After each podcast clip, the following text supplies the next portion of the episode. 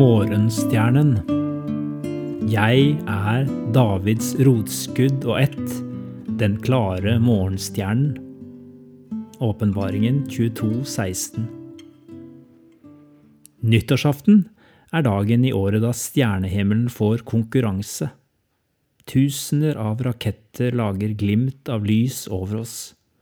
Menneskeskapte lys som varer noen sekunder før de dør ut.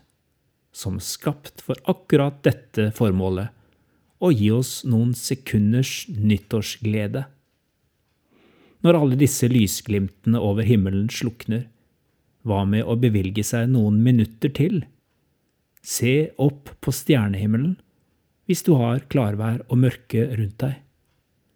Rett før natten ender og sola står opp i øst, kan du være heldig å få øye på den. Morgenstjernen, eller Venus som den oftest kalles. Den er der uansett om du ser den eller ikke. Et forvarsel om at sola er på vei opp. Hvorfor kaller Jesus seg selv for morgenstjernen, ifølge Johannes' åpenbaring? Det er ikke fordi han har satt seg fast på stjernehimmelen. Som så mange ganger blir navn og benevnelser på Jesus et budskap til oss. Jeg tror Jesus vil si at han er like mye i vår fremtid som i vår nåtid. Om det er aldri så mørkt på jorda, finnes morgenstjernen, og den bærer bud om Han som har kommet, som kommer og som skal komme. Herren frelser, Gud med oss, veien, sannheten og livet, lyset, begynnelsen og enden, Davids rotskudd og ett, den klare morgenstjernen. Vi kunne nok ha funnet enda flere navn og titler på Jesus, langt flere enn 31 brikker til et puslespill.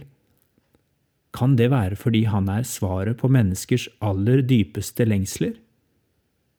Da strekker ikke vårt ordforråd og våre begreper til. Men kanskje noen av navnene i denne boka har bidratt til å utfylle ditt bilde av Han som kom, og som kommer. Morgenstjernen varsler en ny dag. Jesus varsler en ny tid hvor mørket viker for alltid. Jeg ønsker deg et velsignet nytt år til ettertanke.